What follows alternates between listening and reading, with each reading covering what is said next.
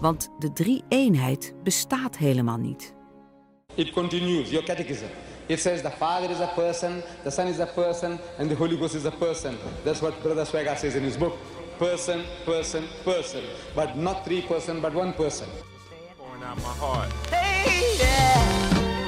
God the Father, the immortal creator. For your glory you made us. You're the sovereign orchestrator. All that you decree most surely Veel christenen vinden het heel moeilijk om de Bijbelse leer van de drie-eenheid uit te leggen aan andere mensen of te verdedigen wanneer ze daarop worden aangevallen. Toch is het zo dat deze doctrine centraal staat in christelijke theologie en in een bijbels-christelijk geloof. Het is ook zo dat vaak secten als eerst beginnen om deze doctrine te ontkennen.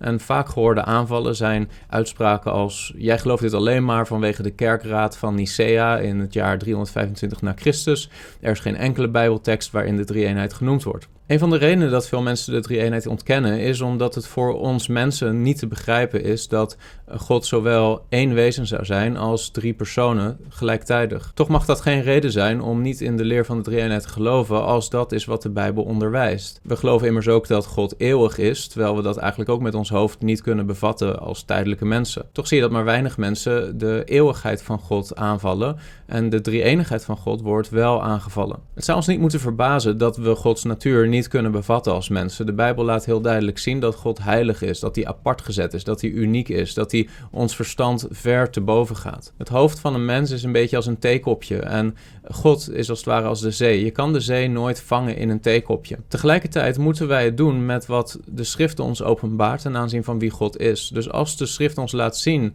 dat God een drie-eenheid is, dan zullen we dat ook moeten aanvaarden, ook al begrijpen we en bevatten we het niet volkomen. Vaak begint een verwerping van de drie-eenheid met een verkeerde voorstelling van wat de drie-eenheid is. Dat noemen we ook wel misrepresentatie. En ook als je christenen vraagt om de doctrine, de leer van de drie-eenheid te definiëren, dan krijg je vaak ronduit ketterse antwoorden die een verkeerde definitie zijn van de drie-eenheid. De orthodox-christelijke definitie van de drie-eenheid luidt als volgt. In het ene wezen van God bestaan er eeuwig drie medegelijke en mede-eeuwige personen, namelijk de Vader, de Zoon en de Heilige Geest. In het Engels, within the one being that is God, there exist eternally co-equal and co-eternal persons, namely the Father, the Son and the Holy Spirit. De leer van de drie-eenheid bestaat eigenlijk uit drie bijbelse fundamenten. Het eerste fundament is monotheïsme, er is maar één God. Het tweede bijbels fundament is dat er drie goddelijke personen zichtbaar zijn in de Bijbel.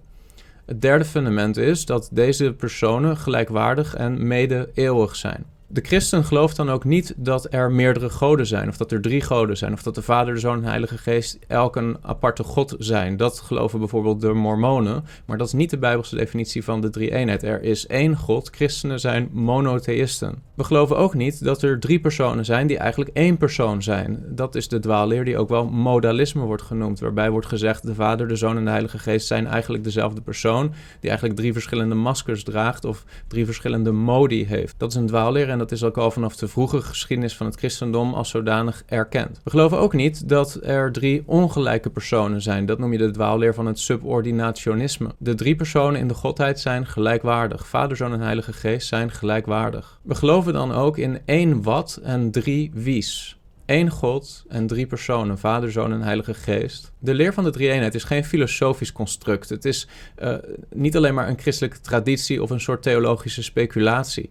Het is geopenbaarde waarheid. Het is een doctrine die voortvloeit uit de Bijbel en geloofd wordt door mensen die de Bijbel als geheel geloven. Als protestantse christenen staan we niet alleen maar op de leerstelling van sola scriptura, wat wil zeggen dat we de schrift als enige ultieme gezag accepteren met betrekking tot wat waar is, maar ook op de leer van tota scriptura, wat wil zeggen dat we de schrift als geheel moeten ontvangen en onze doctrine moeten baseren op de schrift als geheel. En als we de schrift als geheel bestuderen, specifiek met betrekking tot de natuur van God zoals die is geopenbaard in de schrift als geheel, dan ontdekken we dat de leer van de drie-eenheid daaruit voortvloeit. Het is soms makkelijker om te zeggen wat de drie-eenheid niet is dan wat de drie-eenheid wel is, maar dat is een logische consequentie van Gods uniekheid. Soms zie je dat christenen naastig op zoek zijn naar metaforen voor de drie-eenheid van God. Ze zeggen bijvoorbeeld dingen als: je kunt de drie-eenheid zien als water. Water is soms ijs, soms is het vloeibaar en soms is het waterdamp. Dus je hebt drie toestanden, maar het blijft water.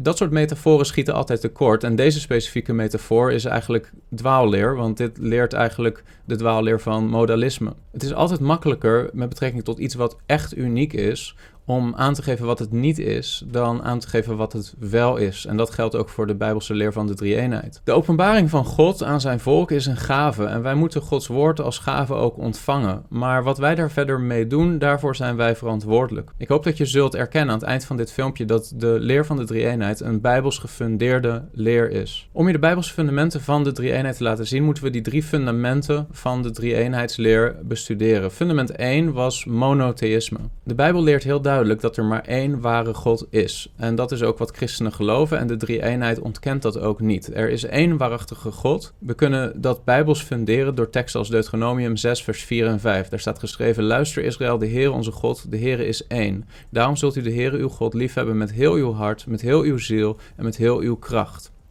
Er is één waarachtige God. De drie-eenheidsleer ontkent dat niet. Er is één waarachtige God.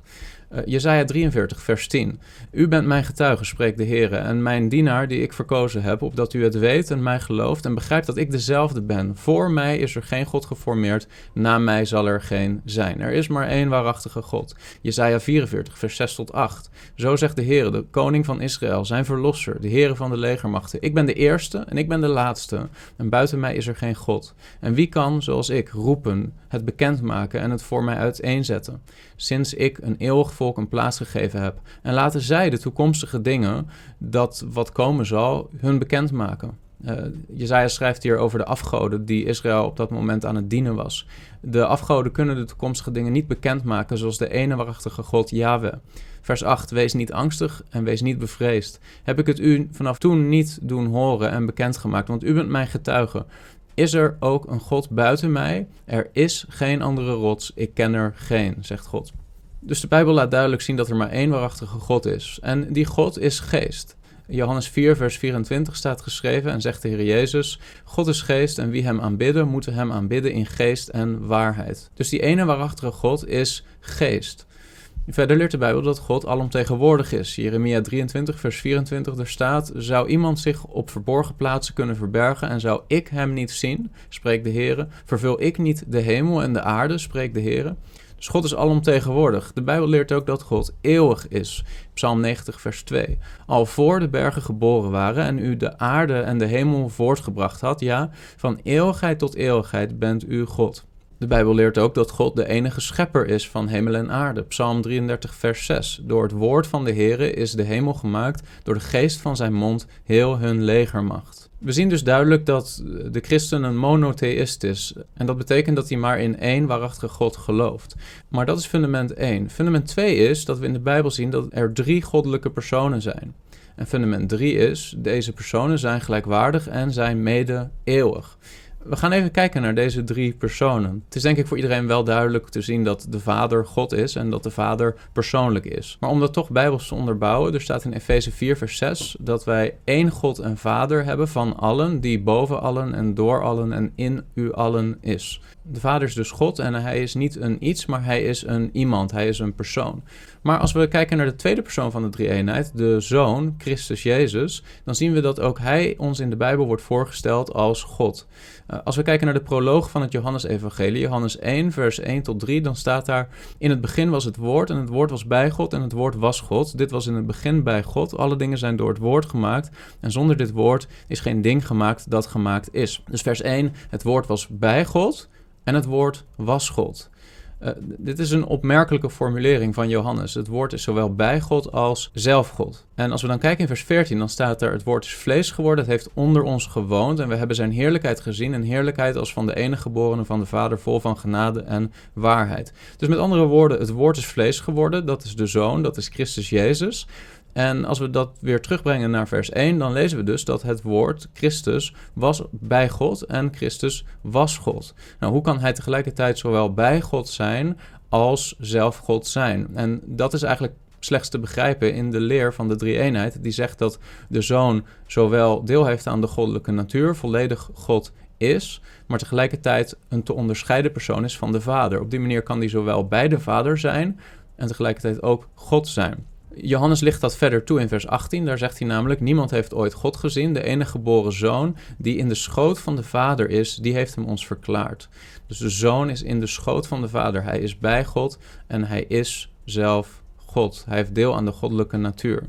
In het Grieks staat er NRG 1 hologos, kai hologos 1 prostontheon, kai theos 1 hologos. En die laatste bijzin wil zeggen dat het woord volledig deel heeft aan de goddelijke natuur. Maar als we verder lezen in het Johannes-evangelie, dan vinden we in Johannes 20, vers 26 tot 29 een passage waar Thomas, de ongelovige discipel, na de opstanding van de Heer Jezus, een ontmoeting heeft met hem. En nadat hij zijn handen in zijn wonden heeft gelegd, dan zegt Thomas in vers 28, en Thomas antwoordde en zei tegen hem, tegen de Heer Jezus, Mijn Heere en mijn God. Jezus zei tegen hem, omdat u mij gezien hebt, Thomas, hebt u geloofd. Zalig zijn zij die niet gezien hebben en toch zullen geloven. In het Grieks staat er ho kurios mu kai ho theos mu. Mijn Heer en mijn God. De, Thomas noemt de Heer Jezus zijn God. En Jezus corrigeert Thomas niet. Hij zegt niet, joh, dat heb je verkeerd gezien. Nee, hij ontvangt de aanbidding van Thomas. We lezen in de Hebreeënbrief in Hebreeën 1 vers 6 tot 8 dat er staat en wanneer hij vervolgens de eerstgeboren in de wereld brengt, zegt hij en laten alle engelen van God hem aanbidden. En van de engelen zegt hij weliswaar, die zijn engelen maakt tot geesten en zijn dienaren tot een vuurvlam, maar tegen de zoon zegt hij, uw troon, o God, bestaat in alle eeuwigheid. De scepter van uw koninkrijk is een scepter van gerechtigheid. Dus ook in de Hebreeënbrief zien we dat een psalm uit het Oude Testament wordt toegepast, specifiek een zin die gaat over God, uh, op de zoon. Verder lezen we in Titus 2, vers 13. Terwijl wij verwachten de zalige hoop en verschijning van de heerlijkheid van de grote God en zaligmaker Jezus Christus. En in 2 Petrus 1, vers 1. Simon Petrus, een dienstknecht en apostel van Jezus Christus, aan hen die een even kostbaar geloof ontvangen hebben als wij, door de gerechtigheid van onze God en zaligmaker, Jezus Christus. En dan zijn er mensen die zeggen, ja, zowel in Titus 2 als in 2 Petrus 1 gaat dat eerste stukje, onze God of grote God, gaat over de Vader, en het tweede stukje, zaligmaker, over Jezus Christus. Maar als je de zogenaamde Granville-Sharp-regel kent in het Grieks, dan weet je dat uh, als je het Grieks bestudeert, dat zowel het stuk onze God als het stuk zaligmaker betrekking heeft op Jezus Christus. Als je het interessant vindt om die Granville-Sharp-regel te bestuderen, dan kun je hieronder een link vinden waar dat verder wordt uitgelegd. Jezaja 9 vers 5, want een kind is ons geboren, een zoon is ons gegeven en de heerschappij rust op zijn schouder. En men noemt zijn naam wonderlijk, raadsman, sterke God. Over Jezus wordt geprofiteerd door de profeet Jezaja en hij noemt hem sterke God. Dan kan je natuurlijk zeggen, ja, maar Christus is een God, hij is niet de God. Maar het punt is, we hebben al gezien dat fundament 1 is monotheïsme. De christen gelooft en de Bijbel onderwijst dat er maar één waarachtige God is. Er zijn geen halfgoden of kleine goden of geschapen goden. Er is slechts één waarachtige God en al het andere valt onder het geschapene. Er is maar één schepper en de rest is schepping. Of dat je het nu hebt over engelen of mensen of dieren. Het zijn schepselen en er is maar één waarachtige schepper en dat is de ene waarachtige God. Dus wanneer we zien dat verschillende schriftgedeelten zeggen dat Jezus God is, dan moet hij ook deel hebben aan die goddelijke natuur van de ene waarachtige God. Handelingen 20, vers 28. Zie dan toe op uzelf en op heel de kudde, te midden waarvan de Heilige Geest u tot opzieners aangesteld heeft om de gemeente van God te wijden, die hij verkregen heeft door zijn eigen bloed. Dat is een interessant vers. Er staat hier de gemeente van God te wijden, die hij, dat wil zeggen God, verkregen heeft door zijn eigen bloed opnieuw een vers wat duidelijk laat zien dat Jezus volledig en volwaardig God is. 1 Johannes 5, vers 20. Maar we weten dat de Zoon van God gekomen is en ons het verstand heeft gegeven om de waarachtige te mogen kennen. En wij zijn in de waarachtige, namelijk in zijn Zoon Jezus Christus. Die is de waarachtige God en het eeuwige leven. En dat laatste stuk, die is de waarachtige God en het eeuwige leven, verwijst zowel naar de Vader als naar de Zoon als je de context leest. Colossense 2, vers 8 en 9. Pas op dat niemand u als buiten meesleept door de filosofie en inhoudsloze verleiding, volgens de overlevering van de mensen, volgens de grondbeginselen van de wereld, maar niet volgens Christus, want in hem woont heel de volheid van de Godheid lichamelijk. Er valt niet te discussiëren met dit soort versen. Openbaring 22, vers 12 en 13. En zie, ik kom spoedig zegt de Heer Jezus. En mijn loon is bij mij om aan een ieder te vergelden zoals zijn werk zal zijn. Vers 13. Ik ben de Alpha en de Omega, het begin en het einde, de eerste en de laatste. Is interessant. De Heer Jezus, de Zoon van God, verwijst naar zichzelf als de eerste en de laatste. Als je kijkt naar Jesaja 41, vers 4, dan staat daar: Wie heeft dit bewerkt en gedaan? Hij die de generaties riep vanaf het begin. Ik de Heere, die de eerste ben, en bij de laatste ben ik dezelfde. Dus de Heere, Yahweh, zegt in Jesaja 41, ik ben de eerste en de laatste. En de Heer Jezus Christus zegt in Openbaring 22 en ook in andere versen in het boek Openbaring, dat hij de eerste en de laatste is. Dus de Heer Jezus is Yahweh. Hij heeft deel aan dezelfde goddelijke naam die wordt gegeven aan de Vader. Johannes 5, vers 18. Daarom dan probeerden de Joden des te meer hem te doden, omdat hij niet alleen het gebod van de Sabbat brak, maar ook zei dat God zijn eigen vader was en daarmee zichzelf aan God gelijk stelde. De Heer Jezus stelde zichzelf aan God gelijk. Dat was niet alleen maar een valse beschuldiging, maar dat deed hij ook daadwerkelijk als je de context leest. Hij is Heer van de Sabbat en hij is de God van Israël. Naast al deze teksten hebben we ook nog de Ik Ben teksten in het Johannesevangelie, de zogenaamde Ego I Me teksten. Johannes 8, vers 24. Ik heb u dan gezegd dat u in uw zonde zult sterven, zegt Jezus tegen de fariseeën en de schriftgeleerden. Want als u niet gelooft dat ik ben, dat ego I me, zult u in uw zonde sterven. Hiermee verwijst de Heer Jezus terug naar de goddelijke naam zoals die geopenbaard is in Exodus 3 vers 14. En in Johannes 8 vers 57 en 58 lezen we, de Joden dan zeiden tegen hem, tegen de Heer Jezus Christus, u bent nog geen 50 jaar oud en u hebt Abraham gezien. Vers 58. Jezus zei tegen hen: Voorwaar, voorwaar, ik zeg u, voor Abraham geboren was, ben ik. Hij zegt niet was ik, maar hij zegt ben ik. Hij laat zien dat hij eeuwig is en deel heeft aan de eeuwige goddelijke natuur. Hij verheft zichzelf boven het tijdelijke en boven de tijd zelf, zoals alleen God zelf dat kan doen. God die eeuwig is. Johannes 18, vers 5 en 6. Zij antwoordden hem, Jezus de Nazarener. Jezus zei tegen hem, ik ben het. En Judas, die hem verraadde, stond ook bij hen. Toen hij dan zei tegen hen: Ik ben, of ik ben het, deinsden zij terug en vielen op de grond. Er staat in het Grieks niet ik ben het, maar er staat ego I me. Opnieuw verwijst de Heer Jezus naar de goddelijke naam en daarom deinzen ze ook terug en vallen op de grond.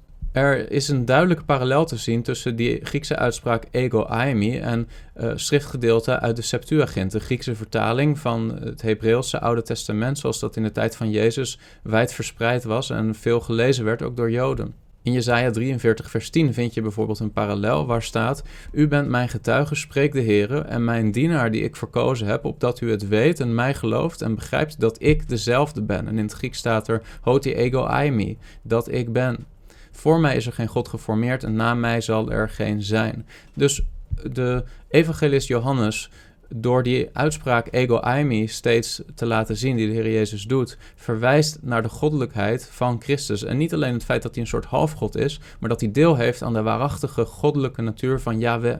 Verder lezen we in het Nieuw Testament dat Christus schepper is van alle dingen. In Colossense 1 vers 16 staat er, want door hem zijn alle dingen geschapen, die in de hemelen en die op aarde zijn, die zichtbaar en die onzichtbaar zijn, tronen, heerschappijen, overheden of machten, alle dingen zijn door hem en voor hem geschapen. Dit is iets wat alleen op God zelf van toepassing kan zijn. De Zoon is volledig God. Verder lezen we in Filippenzen 2, vers 5 tot 7 dat de Zoon aan God gelijk was voordat hij mens werd. We lezen daar, laat daarom die gezindheid in u zijn die ook in Christus Jezus was, die terwijl hij in de gestalte van God was, en staat in het Grieks en morphe het niet als roof beschouwd heeft aan God gelijk te zijn, maar zichzelf ontledigd heeft door de gestalte van een slaaf aan te nemen en aan mensen gelijk te worden. Dus met andere woorden, voordat de zoon vlees werd, voordat het woord incarneerde, was hij in de gestalte van God en was hij aan God gelijk.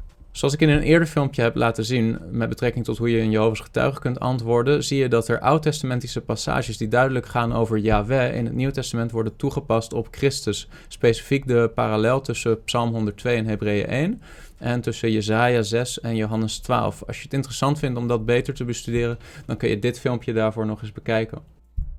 We hebben dus gezien dat de zoon wordt geïdentificeerd als God, maar tegelijkertijd is hij een persoon die onderscheiden wordt van de Vader. En dat blijkt bijvoorbeeld uit het hoogpriestelijk gebed, waar de Heer Jezus bidt tot de Vader. Jezus is daar niet aan het buikspreken of zoiets. Hij bidt daadwerkelijk tot een persoon. Het is de zoon die tot de Vader bidt, een persoon die spreekt tot een persoon. Er staat zo bijvoorbeeld in Johannes 17, vers 5: En nu verheerlijk mij, uw Vader, bij uzelf met de heerlijkheid die ik bij u bezat voordat de wereld er was. Dit is een persoon die spreekt tot een andere persoon. Niet een persoon die tot zichzelf spreekt. Dus de zoon en de vader zijn te onderscheiden en toch hebben ze deel aan dezelfde goddelijke natuur, zijn ze allebei Yahweh. Maar dan kijken we naar de Heilige Geest nu. De Heilige Geest wordt ook beschreven door de Bijbel als een goddelijk persoon. Uh, er staat in Handelingen 13, vers 2. En terwijl zij de Heren dienden en vasten, zei de Heilige Geest: Zonder voor mij zowel Barnabas als Saulus af voor het werk waartoe ik hen geroepen heb. Dus we zien hier dat de Heilige Geest roept. Dat is iets wat personen doen. Niet een soort vage kracht of een object of een ding. Nee, de Heilige Geest is een persoon die roept. Handelingen 10, vers 19 tot 20. Terwijl Petrus nog over dat visioen nadacht, zei de geest tegen hem: Zie, drie mannen zoeken u. Sta daarom op, ga naar beneden en reis met hen mee. Twijfel niet, want ik heb hen gestuurd. Dus hier zien we dat de Heilige Geest spreekt en dat de Heilige Geest ook mensen stuurt naar Petrus. Dit zijn handelingen die een persoon verricht. We zien dat de Bijbel over de Heilige Geest spreekt met persoonlijk voornaamwoorden. Zo lezen we in Johannes 15, vers 26 dat de Heer Jezus zegt: Maar wanneer de trooster is gekomen, die ik u zenden zal van de Vader, de Geest van de waarheid die van de Vader uitgaat, zal Hij over mij getuigen. De Heilige Geest wordt hier door de Heer Jezus beschreven als een andere persoon dan Hemzelf, maar wel als een persoon die over de Heer Jezus zal getuigen. In Johannes 16, vers 13 tot 14. Maar wanneer die komt, de geest van de waarheid, zal hij u de weg wijzen in heel de waarheid. Want hij zal niet vanuit zichzelf spreken, maar wat hij gehoord zal hebben, zal hij spreken. En de toekomstige dingen zal hij u verkondigen. Die zal mij verheerlijken, want hij zal uit het mijne nemen en het u verkondigen. Dus de Heilige Geest hoort, de Heilige Geest verkondigt, de Heilige Geest wijst de weg. Dit zijn dingen die een persoon doet. Handelingen 8, vers 29. En de geest zei tegen Filippus, ga er naartoe en voeg u bij deze wagen. Hier zien we opnieuw dat de Heilige Geest spreekt. Handelingen 21, vers 11. En hij kwam naar ons toe, pakte de gordel van Paulus en nadat hij zijn eigen handen en voeten daarmee gebonden had, zei hij, dit zegt de Heilige Geest. De man van wie deze gordel is, zullen de Joden op deze manier in Jeruzalem binden en in de handen van de heidenen overleveren. Opnieuw een tekst waarin we zien dat de Heilige Geest spreekt, zoals een persoon spreekt. Galaten 4, vers 6. Nu, omdat u kinderen bent, heeft God de geest van zijn zoon uitgezonden in uw harten, die roept Abba, Vader. Dus de geest roept. Romeinen 8, vers 26 en 27. En evenzo komt de geest onze zwakheden te hulp, want wij weten niet wat wij bidden zullen zoals het behoort. De geest zelf echter pleit voor ons met onuitsprekelijke verzuchtingen. En hij die de harten doorzoekt, weet wat het denken van de geest is, omdat hij naar de wil van God voor de heilige pleit. Dus de heilige geest komt te hulp. De Heilige Geest pleit voor ons en de Heilige Geest denkt. Dit zijn allemaal dingen die alleen een persoon kan doen. 1 Korinthe 2 vers 10 en 11. Aan ons echter heeft God het geopenbaard door zijn geest. De geest immers doorzoekt alle dingen, zelfs de diepten van God. Want wie van de mensen kent de dingen van de mens dan de geest van de mens die in hem is? Zo kent ook niemand de dingen van God dan de geest van God. Hier lezen we dat de geest van God alle dingen onderzoekt en ook dingen kent. Handelingen 20, vers 28. Zie dan toe op uzelf en op heel de kudde, te midden waarvan de Heilige Geest u tot opzieners aangesteld heeft om de gemeente van God te wijden die hij verkregen heeft door zijn eigen bloed. Hier zie je dat de Heilige Geest opzieners of ouderlingen aanstelt. Eh, dit is iets wat alleen een persoon kan doen. De Heilige Geest wordt ons voorgesteld in al deze versen als een goddelijk persoon. Handelingen 5, vers 32. En wij zijn getuigen van deze dingen en ook de Heilige Geest die God gegeven heeft aan hen die hem gehoorzaam zijn. Hier zien we dat de Heilige Geest wordt voorgesteld als een getuige. Matthäus 28, vers 19. Ga dan heen, onderwijs al de volken, hen dopend in de naam van de Vader, van de Zoon en van de Heilige Geest, hun lerend alles wat ik u geboden heb in acht te nemen.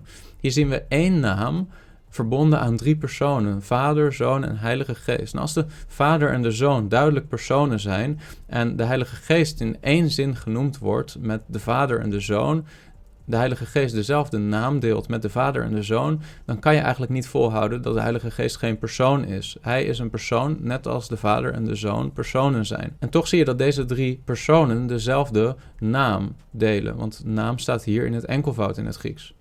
Marcus 3, vers 28. Voorwaar, ik zeg u dat alle zonden de mensenkinderen vergeven zullen worden en de lasteringen die zij ook maar uitgesproken zullen hebben. Maar wie gelasterd zal hebben tegen de Heilige Geest, die heeft geen vergeving in eeuwigheid, maar is schuldig en verdient het eeuwige oordeel.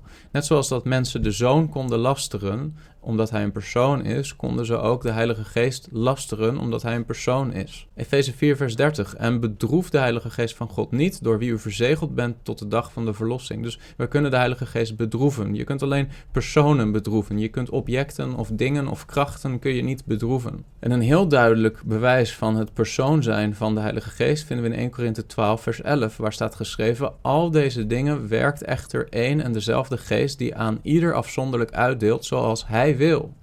De Heilige Geest wordt beschreven als een Hij met een wil. Dus samenvattend, de Heilige Geest is een persoon, maar kunnen we ook zeggen dat de Heilige Geest God is, dat hij deel heeft aan dezelfde monotheïstische goddelijke natuur. Nou, in Handelingen 5, vers 3 en 4 zien we de geschiedenis van Ananias en Safira en dan lezen we dit. En Petrus zei, Ananias, waarom heeft de Satan uw hart vervuld, zodat u gelogen hebt tegen de Heilige Geest en een deel achtergehouden hebt van de opbrengst van het stuk grond?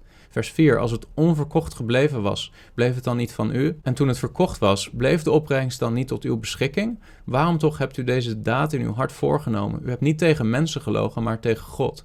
Dus in vers 3 staat er dat hij heeft gelogen tegen de Heilige Geest. In vers 4 staat er dat hij gelogen heeft tegen God. De Heilige Geest is dus God. Er is nog een interessante parallel tussen de evangeliën die laat zien hoe intiem de relatie is tussen die drie personen, Vader, Zoon en Heilige Geest, in dat ene goddelijk wezen. Dat vinden we in Marcus 13, vers 11. Daar zegt de Heer Jezus: En wanneer ze u zullen wegleiden om u over te leveren, wees dan van tevoren niet bezorgd wat u spreken moet, en bedenk het niet, maar wat u op dat moment gegeven zal worden, spreek dat. Want u bent het niet die spreekt, maar de Heilige Geest.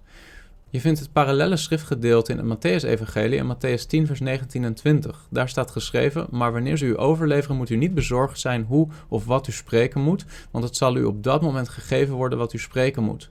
Want u bent het niet die spreekt, maar de geest van uw Vader die in u spreekt. Dus in het Marcus-evangelie zien we dat de Heilige Geest spreekt in de discipelen van Christus. In het Matthäus-evangelie vinden we dat het de geest van uw Vader is.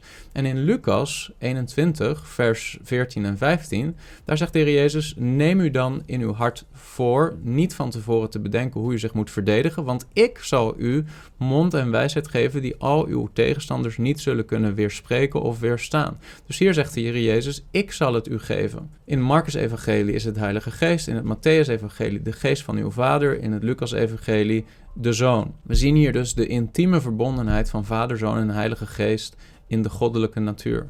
Oké, dus de Vader is een goddelijk persoon, de Zoon is een goddelijk persoon, de Heilige Geest is een goddelijk persoon. Maar zijn die drie nou eigenlijk wel te onderscheiden personen? Of is het één persoon die zich op verschillende momenten als Vader voordoet, of als Zoon voordoet, of als Heilige Geest voordoet? Het zijn drie te onderscheiden personen, leert de Bijbel. Dat kan je bijvoorbeeld zien als je leest Johannes 3, vers 35. De Vader heeft de Zoon lief en heeft alle dingen in zijn hand gegeven. Dus er is een liefdesrelatie tussen de Vader en de Zoon.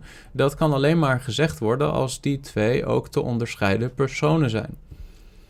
Johannes 15, vers 9. Zoals de Vader mij lief gehad heeft, zegt de Zoon, heb ook ik u lief gehad. Blijf in mijn liefde. Dus de manier waarop de Vader de Zoon lief heeft, is de manier waarop de Zoon de discipelen van Christus lief heeft. Eh, echte liefde kan alleen maar plaatsvinden als er te onderscheiden personen zijn. En de Vader, Zoon en de Heilige Geest zijn te onderscheiden personen in de ene God waarvan wordt gezegd dat hij liefde is. God kan alleen liefde zijn als hij meerdere personen is. We vinden dat ook terug in Johannes 17, vers 22 tot 24. Ik heb hun de heerlijkheid gegeven die u mij gegeven hebt, opdat zij één zijn zoals wij één zijn, zegt de zoon tegen de vader. Vers 23. Ik in hen en u in mij, opdat zij volmaakt één zijn en opdat de wereld erkent dat u mij gezonden hebt en hen liefgehad hebt zoals u mij hebt liefgehad. Vader, ik wil dat waar ik ben, ook zij bij mij zijn die u mij gegeven hebt, opdat zij mijn heerlijkheid zien die u mij gegeven hebt, omdat u mij hebt liefgehad voor de grondlegging van de wereld. Dus in eeuwigheid had de Vader de Zoon reeds lief. Tot slot een heel sterk schriftgedeelte wat laat zien dat de Vader, Zoon en de Heilige Geest wel degelijk te onderscheiden personen zijn, vinden we in Matthäus 3, vers 16 en 17 bij de doop van de Heer Jezus. Daar staat: En nadat Jezus gedoopt was, kwam hij meteen op uit het water en zie, de hemelen werden voor hem geopend en hij zag de Geest van God als een duif neerdalen en op zich komen. En zie, een stem uit de hemelen zei: Dit is mijn geliefde zoon in wie ik mijn welbehagen heb. Dus we zien de Heer Jezus, de Zoon van God, in het water gedoopt worden. We zien de Heilige Geest neerdalen uit de hemel als een duif. En we zien dat de Vader een stem uit de hemel spreekt en zegt: Dit is mijn geliefde Zoon. Hier zijn drie te onderscheiden personen en toch één waarachtige God. Dit is de Bijbelse basis voor de leer van de drie-eenheid. Jezus is geen buikspreker hier. Het is niet alsof hij die stem uit de hemel zowel is als de zoon in het vlees daar in het water, als de Heilige Geest die als duif neerdaalt. Het is één waarachtige God, maar drie te onderscheiden personen. En alle drie die personen zijn hier bij de doop van de Heer Jezus duidelijk zichtbaar. Soms wordt gezegd dat wij alleen maar in de drie-eenheid geloven vanwege de geloofsbeleidenis die voortkwam uit de kerkraad in Nicea in het jaar 325 na Christus. Maar ook vroege kerkvaderen zoals Clemens Romanus, zoals Ignatius van Antiochië, zoals Melito van Sardis schreven op zo'n manier over de Heer Jezus dat je niet anders kan dan concluderen dat de eerste christenen reeds geloofden in de leer van de drie-eenheid. De geloofsbelijdenis van Nicea in het jaar 325 na Christus opgesteld is misschien wel de grootste en belangrijkste geloofsbelijdenis van het christelijk geloof en de geschiedenis daarvan. En als je die geloofsbelijdenis bestudeert, dan zie je daar heel duidelijk ook de leer van de drie-eenheid in terug. Daar staat: Ik geloof in één God, de Almachtige Vader. En vervolgens en in één Heer Jezus Christus, de enige geboren Zoon van God, geboren uit de Vader voor alle eeuwen, God uit God, licht uit licht, waarachtige God uit waarachtige God, geboren, niet gemaakt, van hetzelfde wezen met de Vader, door wie alle dingen gemaakt zijn. Eén wezen en toch te onderscheiden personen en in de Heilige Geest, die Heere is en levend maakt, die van de Vader en de Zoon uitgaat, die samen met de Vader en de Zoon aanbeden en verheerlijkt wordt, die gesproken heeft door de profeten. Dus historisch christendom, ook al in de eerste eeuwen na Christus, beleiden de leer van de drie-eenheid. Dat dit pas officieel is uitgewerkt in een geloofsbeleidenis van de gemeente, heeft te maken gehad met het feit dat de christelijke gemeente in de eerste eeuwen na Christus enorm vervolgd werd en eigenlijk nauwelijks tijd had om een geloofsbeleidenis op te stellen. En ten tweede dat de geloofsbeleidenis vaak pas voortkomt uit een reactie op ketterij. In dit geval ook in reactie op Arianisme, de leer die subordinationisme uitdroeg en die ontkende dat de zoon in gelijke mate deel had aan de goddelijke natuur als de vader. Dit is ook wel de dwaalleer die de Jehovah's getuigen volgen, de dwaalleer van het Arianisme. Nu zeg je misschien, broeder Chris, is het niet veel makkelijker wanneer je de drie-eenheid wilt laten zien in de Bijbel om 1 Johannes 5, vers 7 en 8 te citeren? Want daar staat immers geschreven in mijn Bijbel, want drie zijn er die getuigen in de hemel, de Vader, het Woord en de Heilige Geest, en deze drie zijn één. Vers 8. En drie zijn er die getuigen op de aarde, de geest, het water en het bloed. En deze drie zijn tot één. Misschien gebruik je de Statenvertaling of de King James vertaling of de herziene Statenvertaling. En dan zal je dat vers inderdaad in jouw Bijbel terugvinden. Het punt is dat zowel de tegenstanders van het christelijk geloof als de meeste theologen weten dat dat vers, specifiek het stuk Drie getuigen zijn er in de hemel, de Vader, het Woord en de Heilige Geest. En deze drie zijn één. Niet in de oorspronkelijke brief van Johannes stond. Dit is een toevoeging genaamd de Comma Johannium, die waarschijnlijk pas rond de middeleeuwen in de Textus Receptus terecht is gekomen. Die is opgesteld door Erasmus in de 16e eeuw na Christus. De vroegkerkelijke Griekse manuscripten van de 1 Johannesbrief, daarvan bevat eigenlijk geen één van de manuscripten de Comma Johannium. Dus ik zou dat niet gebruiken in je verdediging van de leer van de drie-eenheid, want het stond oorspronkelijk zo goed als zeker niet in de Bijbel. En waarschijnlijk is het in de Bijbel beland doordat iemand als een soort voetnoot het heeft willen toevoegen en het vervolgens bij het overschrijven door iemand is toegevoegd aan de tekst zelf in plaats van slechts als een voetnoot. Dus gebruik die tekst nooit als je de drie-eenheid Bijbels wilt verdedigen, want de tegenstanders van het christelijk geloof weten eigenlijk allemaal wel dat die tekst niet oorspronkelijk in de Bijbel stond.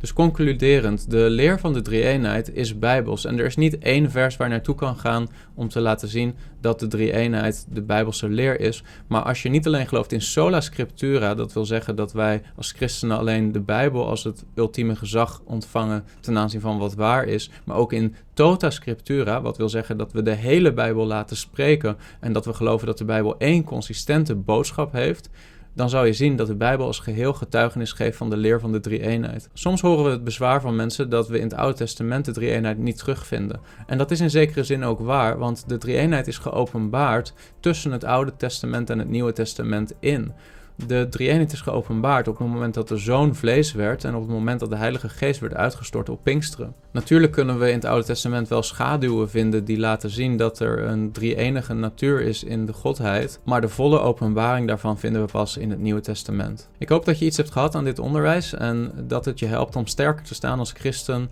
en te begrijpen waarom je gelooft wat je gelooft. Heb je iets gehad aan deze video? Druk dan op like, dan zullen meer mensen deze video te zien krijgen. En wil je vaker dit soort apologetische video's zien? Abonneer je dan op dit kanaal, dan zul je ongeveer wekelijks een nieuwe video te zien krijgen. Heb je nog ideeën voor onderwerpen voor toekomstige video's? Schrijf dan een comment en misschien komt jouw onderwerp in een van de volgende video's aan de orde. God zegen. Praise God the Son, second person of the Trinity. You're distinct from the Father, yet you share in His divinity. Fulfilling an eternal covenant, you came through the planet Earth to save who? All the Father gave you. You became a man of sorrows.